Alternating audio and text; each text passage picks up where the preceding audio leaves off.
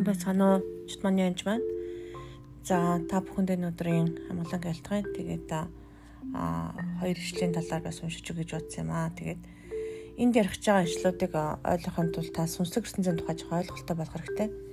Тэг ихэнх хүмүүс сүнслэг зүйлийг хардггүй болохоор маш их айдаг. Зарим нь бас харахаас хүртэл айдаг. Тэгээд харахаас айхын урд ямар шаардлага байхгүй. Аа тэгээд зөвхөн тодорхой хэсэг хүмүүст л харддаг гэдгийг бас мартаж болохгүй. Тэгээд харуулсан эзний нэгүсэл бас байдаг болохоор тэгж амар аимшиг юмнуудыг бол харуулад байдгүй.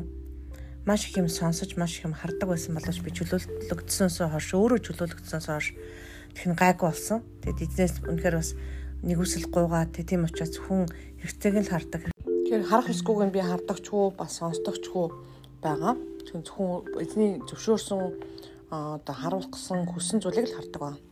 За би Таниэл 10:12-оос уншиж өгье. Тэр надад бүү ээ Даниэла. Учир нь үүнийг ойлгож авахаар мөн өөрийн бурхны өмнө өөрийгөө дор тавихаар зүрхэндээ шийдсэн анхны өдрөө чинь чиний үгсийг бурхан сонсон учраас би үгэнд чинь хариулахаар ирлээ гэж. Тэр Иесус бурханд долгоор Даниэл залбирч байсан байна.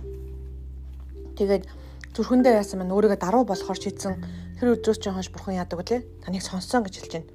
Харин асуусан асуултанд чинь хариулахаар би ирлээ гэж. Гэвч Персийн хаант улсын жонон намайг 21 өдөр эсэргүүцсэн. Харин тэрүүн жононгуудын нэг болох Макал Михаал бол надад туслахаар ирсэн. Учир нь би тэнд Персийн хааттай хамт үлдсэн байв. Хожмын өдрүүдэд чиний ард түмэнд юу тохиолдох тухай чамд ойлгуулахаар би одоо ирлээ. Учир нь энэ үзэгдэл ирээдүйн өдрүүдэд хамаарна гэв. Тэгэхээр энд залбирснаас нь хойш 21 өдрийн дараа ирсэн байгаа. Тэр үед 21 хоног мацаг барьж байсан байгаа. Даниэл өөрөө. Тэгэхээр энд болохоор Персийн хаант улсын жон намайг эсэргүүцсэн гэж. Тэгэхээр тэнд байгаа зүгээр дэлхийн жонон тэр сүнслэг биетийг буюу эсвэл тэнгэр элчиг ч юм уу эсэргүүцэх боломжгүй. Тэгээд тэргүүн тэнгэр элч яасан гэж байна. Майкл надад тусалж ээж би тэднийг ялаад нааш ирлээ тэг буцаад явна гэж хэлж байгаа. Тэгэхээр энд бүр Персийн тухайн улс орон нутгийн дээр байдаг жонон тэнгэрлэг хүчнүүдийн тухай хэлсэн байгааз. Тэгэхээр Эфес 6-гийн 12-ыг унших юм бол учир нь бидний тэмцэл бол махан бие ба цусны эсрэг биш харин захирагчд, эрх мэдэл, энэхүү харанхуй ертөнцийн хүчнүүд тэнгэрдэх бузар муугийн сүнслэг хүчний эсрэг гэж байгаа. Билээ гэж. Тэгэхээр бидний тэмцэл бол үнэхээр сүнслэг зүйл байгаа. Тэгэхээр би Монгол улсад байдаг ноёрхдаг зарим сүнсүүдийн талаар та нар бүхэнд хэлж өгье гэж юу н бодсон юм. Аа тэгэх нь ер нь зүйтэй байх. Ягаад гэвэл тэгжээж та нар эсрэг хүчит тэмцэж судалнаа гэсэн үг. Тэгэхээр эхний ээлжинд бол санхүү мөнгөний асуудлыг ярив. Мамны сүнс байгаа. А Python сүнс байгаа. Аль аль нь Python бол могоон тэм сүнс байгаа. Нуугдж байдаг тэм сүнс. А могоо бол могоо ирээн байдаг штэ. Могоо ирээн болохоор гаднаасаа харагдахгүй байглаас ялгардаж чадахгүй байхын тулд тийм могоо ирээн байдаг. Тэгэхээр энэ сүнс бол итгэгчнэр цүм чуулган, цүм чуулган биш хаасайгүй байдаг тийм сүнс л дээ. Тэгээд энд энийг бол хөөж явуулах явдал маш чухал байдаг а ядуурлын буюу мөнгөнийг мөнгийг барьсан хаасан тэр маамны сүнсийн талаар би подкаст хийсэн байгаа. А монголчуудад илбэг байдаг бас нэг сүнс бол чоны сүнс да. Ер нь бол чонон дотор амтан дотор байгаа сүнс биш шүү. Тэрийг бити буруу ойлгоорой.